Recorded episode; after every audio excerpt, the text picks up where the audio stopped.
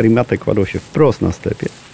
Nawet czasami bardzo luźno przykrywając się śpiworem, bo było tak cieplutko, że w ogóle można było spać jak na plaży. Ale przez to słyszało się dźwięki, przeważnie świerszcze. Tak intensywnie się odzywały, że praktycznie nie można było spać. No i oczywiście różne tam szelesty, które świadczyły, że wkoło nas toczy się życie. Człowiek był tak zmęczony, że oczywiście w pewnym momencie zapadał w sen. Budził się rano, rano było chłodniej. Krople rosy na roślinach stepowych przepięknie wyglądają. Można było zauważyć ptaki czy jakieś gady, które gdzieś tam się budziły. Jakieś na przykład jaszczurki zielone. Taki środek dnia to tylko dla owadów był rzeczywiście dobrym czasem. Dla motyli na przykład. Pazie, które tam kołowały, przepiękne były. I w takich ilościach, że u nas się takich ilości nie spotyka pszczoły różnego rodzaju, między innymi takie smukwy, które u nas są w polskiej czerwonej księdze, czyli niesamowicie rzadkie. Tam było kilka gatunków, można je było zobaczyć. Natomiast tak to generalnie step można powiedzieć, że jest cichy. Ale jak wieje wiatr, jeżeli patrzymy na te morza ostnic, czyli takich włosiastych traw, których jest tam przynajmniej kilka gatunków, słyszymy jak to wszystko tam szeleści. Ми жили Дніпропетровська обвод то степ. Я жила в тим степу.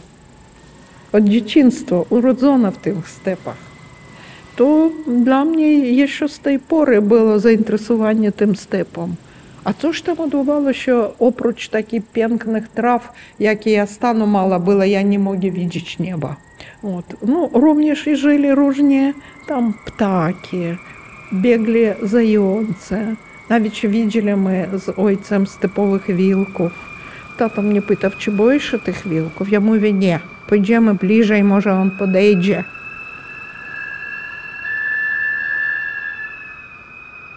Można by sądzić, że na świecie wszystko układa się wspaniale. Tylko, że w Ziemi leżą dziesiątki milionów pozabijanych ludzi. Hermann Hesse, wilk stepowy.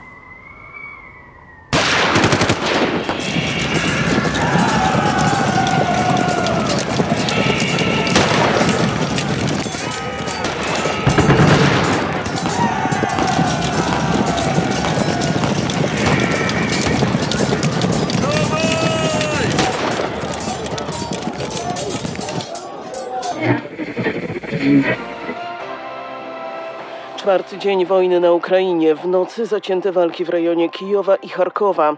Globalny system płatniczy SWIFT będzie gotowy dostosować się do decyzji Zachodu o odłączeniu od niego niektórych rosyjskich banków. Pod Lublinem powstaje centralny punkt pomocy międzynarodowej dla Ukrainy. Lublin. Galeria Okna.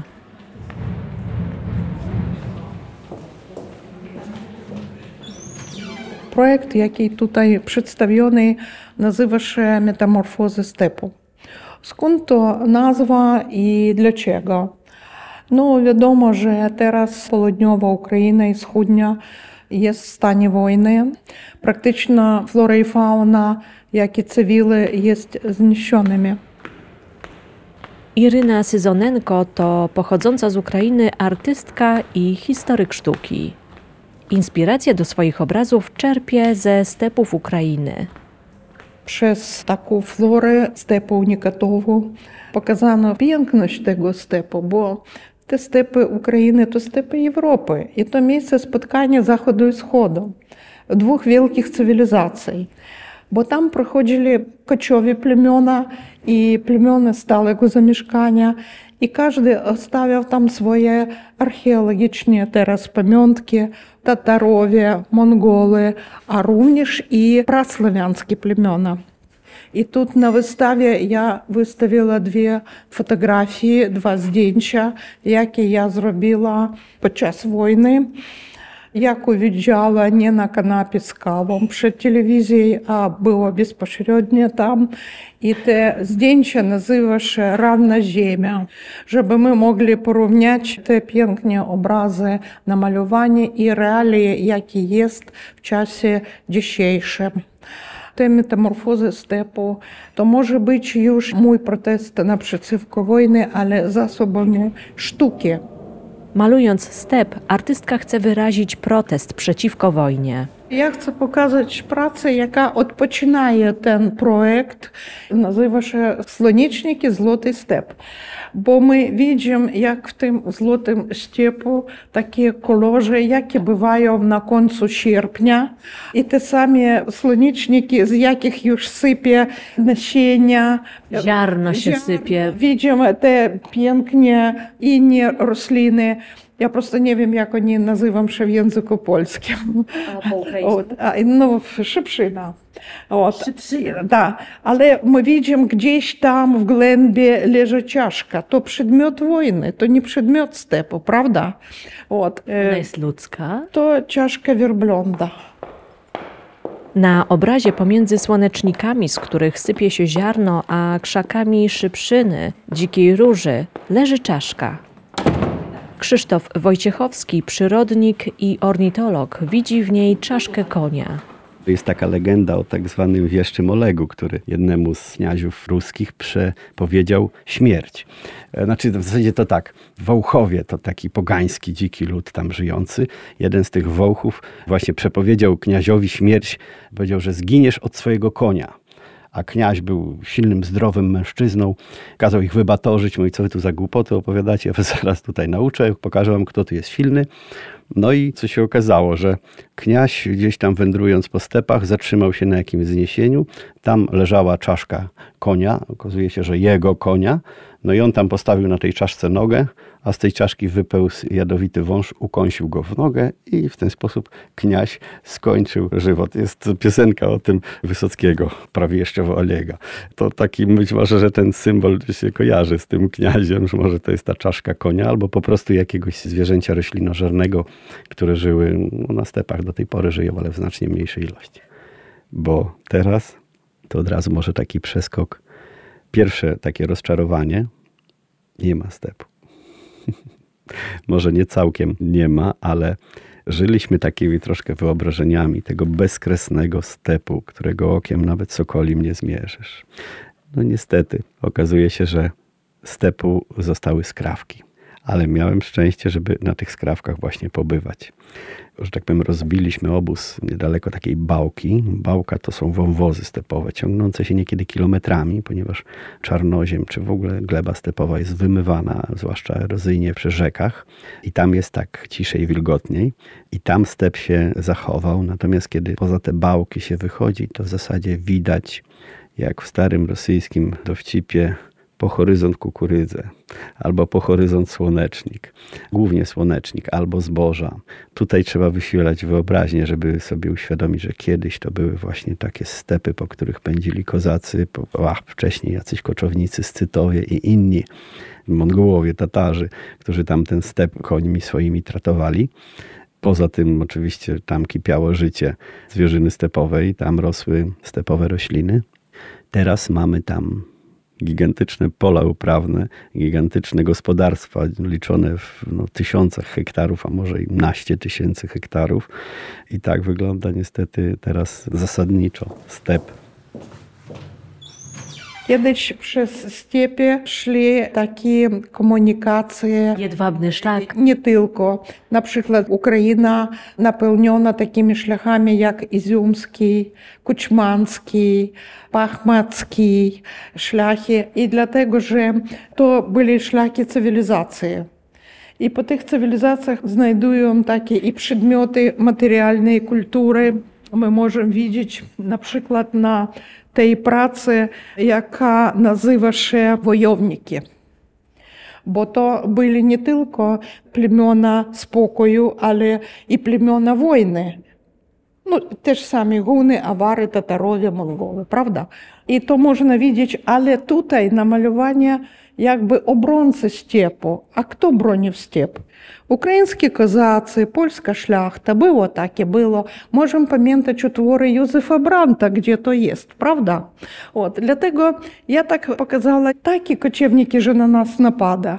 А те, де разом польська шляхта і козаці бронять степі як України, так і креси польські. Ale tu coś jest jeszcze, tu są monety. A to, bo to za co była bitwa? Za szlachy handlowe, za terytorię.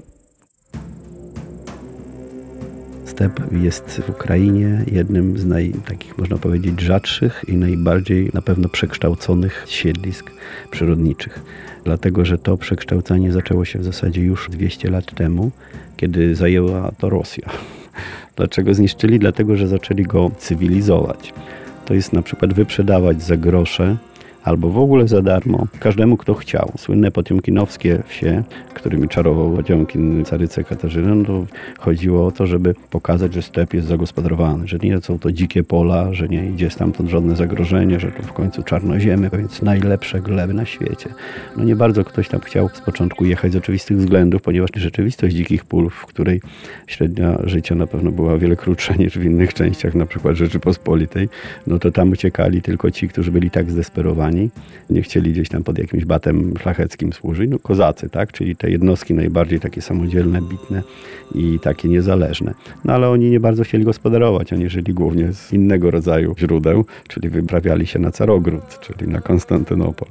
I byli żołnierzami przede wszystkim. Więc w początku XIX wieku Carowie rosyjscy te ziemię albo sprzedawali, albo nadawali jakimś swoim zasłużonym. No i ci właśnie ludzie zaczęli zagospodarowywać ten step. Przy czym była to mieszanka niesamowita. Jeżeli byśmy popatrzyli na XIX-wieczną mapę osad różnych w stepie umiejscowionych, byli tam nawet Serbowie nawet Grecy, Anglicy, jacyś tam Menonici, czyli usennicy holenderscy, którzy uciekali albo przed biedą, albo przed jakimiś prześladowaniami. Od tego się zaczęło, czyli oranie stepu. Największa intensywność to czasy radzieckie, czyli wtedy, kiedy Ukraina stała się jedną z republik Związku Radzieckiego, czyli już po rewolucji październikowej to wtedy wszystkie wielkie budowy socjalizmu, czyli te wszystkie zapory tutaj na Dnieprze i też oranie stepu, zagospodarowywanie go. No i drugi taki rzut to był za Chruszczowa. I postawił sobie chyba za jakiś taki cel, żeby ten step ostatecznie zagospodarować. I rzeczywiście niestety udało mu się to. Czyli wszędzie, gdzie kołchoźnik z traktorem, z pługiem mógł wjechać, tam zaorał Osobna rzecz, czy to było potrzebne, czy nie było, czy to było opłacalne, czy nieopłacalne. Trochę tak jak u nas w PGR-ach. І то така чиста аквареля, таке остатнє мірне, таке спокійне образ степу przed wojną. I to namalowano obok miasta Gorlowki pod Donieckiem. Teraz miejsce strasznych bojów i ta ja myślę, że takiego łagodnego słońca wieczornego, od podwieczorek taki już my nie zobaczymy. Przynajmniej w jakiejś przeszłości takiej krótkiej. W XIX wieku padły ostatnie tarpany stepowe, kuzyni naszych koników polskich. Zwierzęta, te, którym się udało przetrwać, przetrwały w enklawach stepu zachowanych, czyli tam, gdzie tenże wspomniany przeze mnie kołchoźnik nie mógł wjechać, bo by się przewrócił z tym traktorem, czyli w bałkach i różnego rodzaju kamienistych miejscach. No i w nielicznych niestety obszarach chronionych, które tam zostały utworzone. Mam ze sobą taką książeczkę o Askanii Nowej. Jest to książeczka napisana przez Władimira Borejkę, jednego z chyba najskuteczniejszych obrońców przyrody Ukrainy. Zresztą prezydent Juszczynko przyznał mu tytuł zasłużonego dla ochrony przyrody. Opisał historię Askanii Nowej. Askania Nowa to jest taki fragment stepu na południe od Hersona, między powiedzmy Hersonem a Krymem, gdzie obszar chroniony został założony jeszcze w drugiej połowie XIX wieku przez jednego właśnie z osadników niemieckich. Ród Falzfeinów kupił ziemię od niemieckiego generała na służbie rosyjskiej, który pochodził z rodu Askanów, podobno jakiegoś starogermańskiego. I stąd nazwali ten teren Askania Nowa. I tenże Falzfein, bardzo światły człowiek, przy współpracy zresztą z Polakiem, z profesorem Józefem Paczowskim, był takim entomologiem, przyrodnikiem w guberni hersońskiej. No i jakoś się, jak to wiadomo, światli ludzie w stepie spotkali i on też namawiał właśnie Falzfeina, żeby z tych swoich olbrzymich dóbr potężne, dziesiątki tysięcy hektarów liczące, żeby wydzielił jakiś taki fragment, gdzie można by ten obraz stepu zachować, takiego stepu opisywanego przez Mickiewicza w sonetach krymskich na przykład. Falzfein, światły Niemiec, zresztą też zakochany w tych stepach, rzeczywiście wydzielił taki teren, około 30 tysięcy hektarów, gdzie ten step w jakimś stopniu przetrwał do dziś. Około 11 tysięcy hektarów stepu zostało takiego nietrąconego, dziewiczego. I to jest właśnie zasługa i Falcfejna, i również profesora Paczowskiego, który w czasach trudnych, przełomowych, w latach 20-22 był tam takim komisarzem naznaczonym przez białych, czyli przez tą armię ochotniczą Denikina, która no, na południu Ukrainy operowała, walcząc z bolszewikami. No i on tam wywiązywał się dzielnie jak mógł w tych koszmarnych przecież warunkach. Teren pełen zwierza, w okolicach głodne wojsko, więc wiele wysiłków dołożył do tego, żeby ta skania w jakikolwiek sposób przetrwała. To on później oczywiście, jak wiedział, że już biali jednak przegrywają, wycofują się, to też ewakuował się do Polski. No i tutaj zasłynął u nas między innymi tym, że właśnie był współtwórcą Białowieskiego Parku Narodowego. Askania nowa przetrwała. No niestety są Rosjanie. Jak gospodarują, to dopiero zobaczymy. Jak zostaną stamtąd wyparci, spodziewamy się najgorszego, ponieważ na przykład na niedalekiej kinburskiej Kosie, czyli takim półwyspie, który leży u ujścia Dniepru do Morza Czarnego, gospodarowali tak, że podpalali lasy i nie pozwalali ich gasić. Rozkradli cały sprzęt gaśniczy zresztą. To jest nic nowego. Każdy, kto elementarnie zna historię, wie, że to jest takie déjà vu. To już wszystko było. wszystko, co było od tego miejsca, gdzie teraz znajduje Кам'янське і Дніпро місто. Бо Кам'янське знайдуєш від Дніпра 30 кілометрів. От того місця і на полуджень до Криму то було Половецьке поле. Така історична назва. Та культура половецька, половецькі баби, ідолі. Дніпропетровським музеєм е, історичним зібрав відомий академік Яворніцький. І те, де я побачила ту жежбу, то для мене є що з тієї пори було заінтересування тим степом. А це ж там удавало, що опроч таких пенкних трав, які я стану мала було, я не мог бачити неба.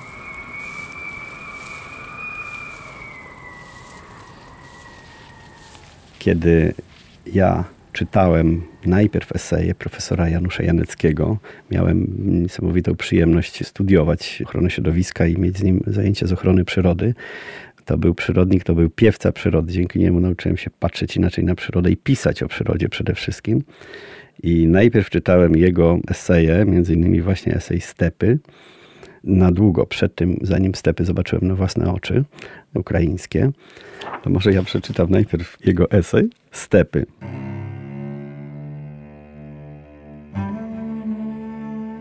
Szarozielone dywany, rozpostarte pod kopułą rozległego błękitu, dalekie przestrzenią, a przecież bliskie pamięcią, czy jako skłębione czarnymi wichrami grozy, czy też świetlista swoboda na sokolich skrzydłach. Tam, w przymgloną ciszę poranka, pod urokiem podkreślonego trawami słońca wkrada się szelest błyszczącego od rosy połoza, a wyżej uniesione suchowiejami falują ostnicowe włosy muskając posągi samotnych wojowników i pochyłe krzyże zapomnianych cmentarzy. Czerwcowe wieczory rozświetlają niebieskie przestworza bez horyzontu, zespolone miliardami płatków stepowego lnu, gdzie stajemy się uczestnikami tego wirującego kręgu boskich wrażeń. Tak pisał profesor Janecki o stepach i Większość z tego można powiedzieć, że ja doświadczyłem, będąc głównie na stepach Zaporoża, z kolegami, z przyjaciółmi z Kijowa. Organizowaliśmy taką szkołę młodego drużynnika, czyli takich młodych ludzi, którzy chcieli zajmować się ochroną przyrody. Przyjechaliśmy do miejscowości Zaporoże. Pierwsze wrażenie było takie, że na takim zegarze, który wskazywał temperaturę nad zakładami słynnego skądinąd kiedyś Zaporożca, 45 stopni Celsjusza. Okazało się, że to rzeczywiście nie była jakaś szalona temperatura, ale nie ma tam wilgoci, więc kompletnie nie odczuwa się tej temperatury. Taki lekki wietrzyk wiał od czegoś, co kiedyś było stepem. Siły rosyjskie wysadziły zaporę wodną w Nowej Kachowce od środka, poinformował prezydent Ukrainy Wołodymyr Załęski. W nocy Rosjanie wysadzili im tamtejszą tamę na spiętrzeniu Dniepru. Wielu miejscowościom grozi zalanie. Powódź może też wpłynąć na pracę zaporowskiej elektrowni jądrowej. W przypadku tej nieszczęsnej Kachowki to w głównej mierze to był nasz piękny, wielki łuk, jak mówią Ukraińcy, czyli wielki łuk. Proszę sobie wyobrazić, w koło ten suchy, równinny step, gdzie no wszystko było uzależnione od deszczów. Jeżeli deszcze popadały, step zazieleniał, można było paść konie. A tutaj mamy prawie półtora tysiąca kilometrów kwadratowych raju. To jest takie zakole Dniepru, najbardziej na wschód wysunięte. Natomiast kozacy ten teren jakby zajęli jako taki róg obfitości, ponieważ tam mogli sobie pójść, polować, nie musieli tam nic uprawiać. Tam było wszystkiego w brud. I mówili sicz maty, czyli sicz zaporowska, prawda, kozacka, to była matka, a wielki łuk baćko, czyli wielki łuk to był ojciec, taki dobry ojciec, których ich darzył. Mało tego, w nieszczęsnych latach 30., czyli tak zwany głodomor, wielki głód w Ukrainie, który pochłonął no też miliony ludzi w efekcie z kolejnej zbrodniczej działalności rosyjskiej, bo proszę sobie wyobrazić, jak ludzie, którzy żyją na najżyźniejszych glebach na świecie, mogli umierać z głodu. To tylko możliwe jest chyba u bolszewików. Także ten Wielki Łuk był jeszcze takim dla Ukrainy niesamowitym symbolem takiego terenu, gdzie ludzie dzięki przyrodzie przetrwali podłość innych ludzi. To zostało zalane kompletnie właśnie budową tego zbiornika w Kachowce i właśnie na skraju tego Wielkiego Ługu, na terenie, który teraz od początku lat 2000 jest Parkiem Narodowym Wielki Ług, siedzieliśmy właśnie kilkanaście lat temu z moimi przyjaciółmi Patrzyłem na to i oczami wyobraźni widziałem ten wielki łuk, a na horyzoncie widziałem tylko kuczu góry. To wyglądało jak wyspy, a to były swego czasu wydmy w tym wielkim ługu, czyli takie wzniesienia wyższe ponad ten równinny teren. No i oczami wyobraźni tylko mogłem widzieć, co tam było, zanim Sowieci ten teren zalali. I stąd siedząc na tym brzegu tego wielkiego ługu, słysząc te świerszcze za plecami, też jakieś węże przemykały tam tak szybko, że nie zdarzyło się zrobić zdjęcia, to to było takie poczucie, że no jestem. Chociaż ten step to jest może nie do końca to, co sobie wyobrażałem, ale w końcu jestem w takim miejscu, którego zobaczeniu marzyłem.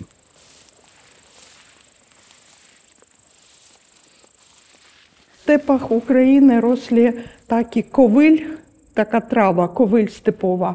І вона була gdzieś на, роз, на цілий рост чоловіка. І вона така аж шребна. I on, Czyli srebrna taka. Tak. I tam w tych e, trawach, w tych żolach ptaki ostawiali swoje jajka, żeby ich, oni nie byli zniesione na przykład gadami albo ptakami. I tu oni spokojno sobie e, leżali i później lupili się ptactwo małe. От. I dlatego ja tak nazywała ten obraz życia, jakby kolebka życia kiedy tworzono obszary chronione w strefie stepowej, nawet w czasach radzieckich i później już za czasów wolnej Ukrainy. Takie podejście było troszkę do tego stepu i ciągle przez wiele lat było tak bardzo gospodarcze. Nawet te fragmenty stepu, które się zachowały, do nich nie podchodzono z jakimś szczególnym namaszczeniem. Bo co to było? To były jakieś wąwozy, to były jakieś skały, czyli tak w gospodarczym znaczeniu jakieś nieużytki. I największym zagrożeniem dla stepu właśnie jest to, kiedy próbowano, zwłaszcza w początku lat 2000, kiedy Ukraina przystąpiła do protokołu z Kioto, taki cały jest mechanizm, oczywiście polegający na tym handlu emisjami. Czyli jeżeli kraj emituje mniej zanieczyszczeń niż przyznano w limicie, to może tą swoją nadliczbę sprzedać. Przy czym pieniądze, które za to otrzyma, mogą być przeznaczone tylko na cele, które przyczyniają się do zmniejszenia tych zanieczyszczeń, czyli dla ochrony klimatu, czy zmniejszenia dwutlenku węgla, tak naprawdę, jako tego głównego gazu, który jest odpowiedzialny za te zmiany klimatyczne. Dwutlenek węgla, czyli węgiel, doskonale jest magazynowany w lasach. Więc myślono, że będzie się sadzić lasy. Gdzie się będzie sadzić? No, czemu nie w stepie? Przecież tam są fragmenty nieużyteczne do niczego. Najgorszy z możliwych pomysłów. Oczywiście przyrodniczy zaczęli bić na alarm i zaczęli tutaj takie działania, żeby jednak próbować chronić te pozostałości stepu. Wiemy, że step, dlatego też nie ma tam lasu, ponieważ warunki przyrodnicze są właśnie takie. Jest mała wilgotność, tam las rosnąć nie może. Więc wymyślono, że będą sadzić lasy no tam, gdzie one mają szansę na wyrośnięcie, czyli w jakichś bałkach, w jakichś wilgotnych zagłębieniach terenu, niszcząc to, co jest najcenniejsze, czyli step. No ten proces udało się trochę zahamować, ale straty też step z tego tytułu poniósł. No i druga rzecz, czym tam obsadzano? No oczywiście gatunkami drzew, które by tam wytrzymały, czyli nie jakieś tam dęby, tylko na przykład robinie akacjowe. No to są rośliny, które rosną nawet w sawannie, więc wyszło na to, że one jednak dorastały do pewnej wysokości, potem usychały, ale korzenie zostawały w ziemi. Wypuszczały ten, czyli nie było ani lasu, ani stepu. Były zarośla kolczyste akacji czy robini akacjowej. Także no, takie różne procedury, które kończyły się dla stepu źle. I dlatego taka idea życia tego stepu dla mnie bardzo ważliwa. Бо teraz ja jeszcze raz mówię, степи України знищені, як і флора і фауна. Бо якби ми подійшли і побачили здінчя, які я називаю «Ранна земля», то можна собі уявити, в якому стані зараз те степи. To wielka woronka do 20 metrów. I takie oni jedna obok jeden Czyli lej po bombie 20 metrów. od rakiet jeszcze więcej. I to wszystko zniszczono, ten step, e, to Запорожська область, Херсонська, частково Одеська, Маріупольська, Дніпропетровська, бо вони кидають бомби і на Дніпропетровські ракети, Донецька степ.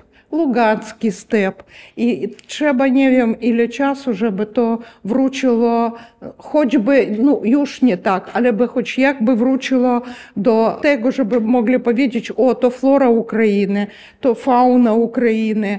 Але ну не вім, ілі мені часу, щоб такі рани заближнілися. Так. Ptaki akurat to są najbardziej takie mobilne gatunki, które no jeżeli jest im bardzo źle, to odlatują. Gorzej jest z płazami, gorzej jest z owadami, które no niestety nie przeżywają, dlatego że są mniej mobilne. No i chciałoby się, żeby step przetrwał w jak największej skali i w jak najlepszym stanie, bo jak ginie coś takiego, no to jakby ginie też część człowieka, nawet jeżeli człowiek sobie tego nie uświadamia.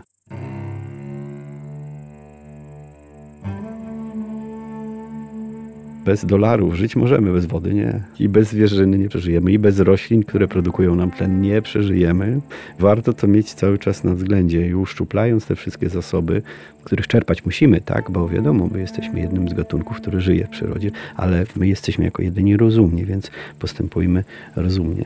Uszczuplając te wszystkie zasoby, pamiętajmy o tym, że one jednak muszą zostać dla kolejnych pokoleń, dla tych, którzy po nas przyjdą, bo inaczej to jest skrajny egoizm.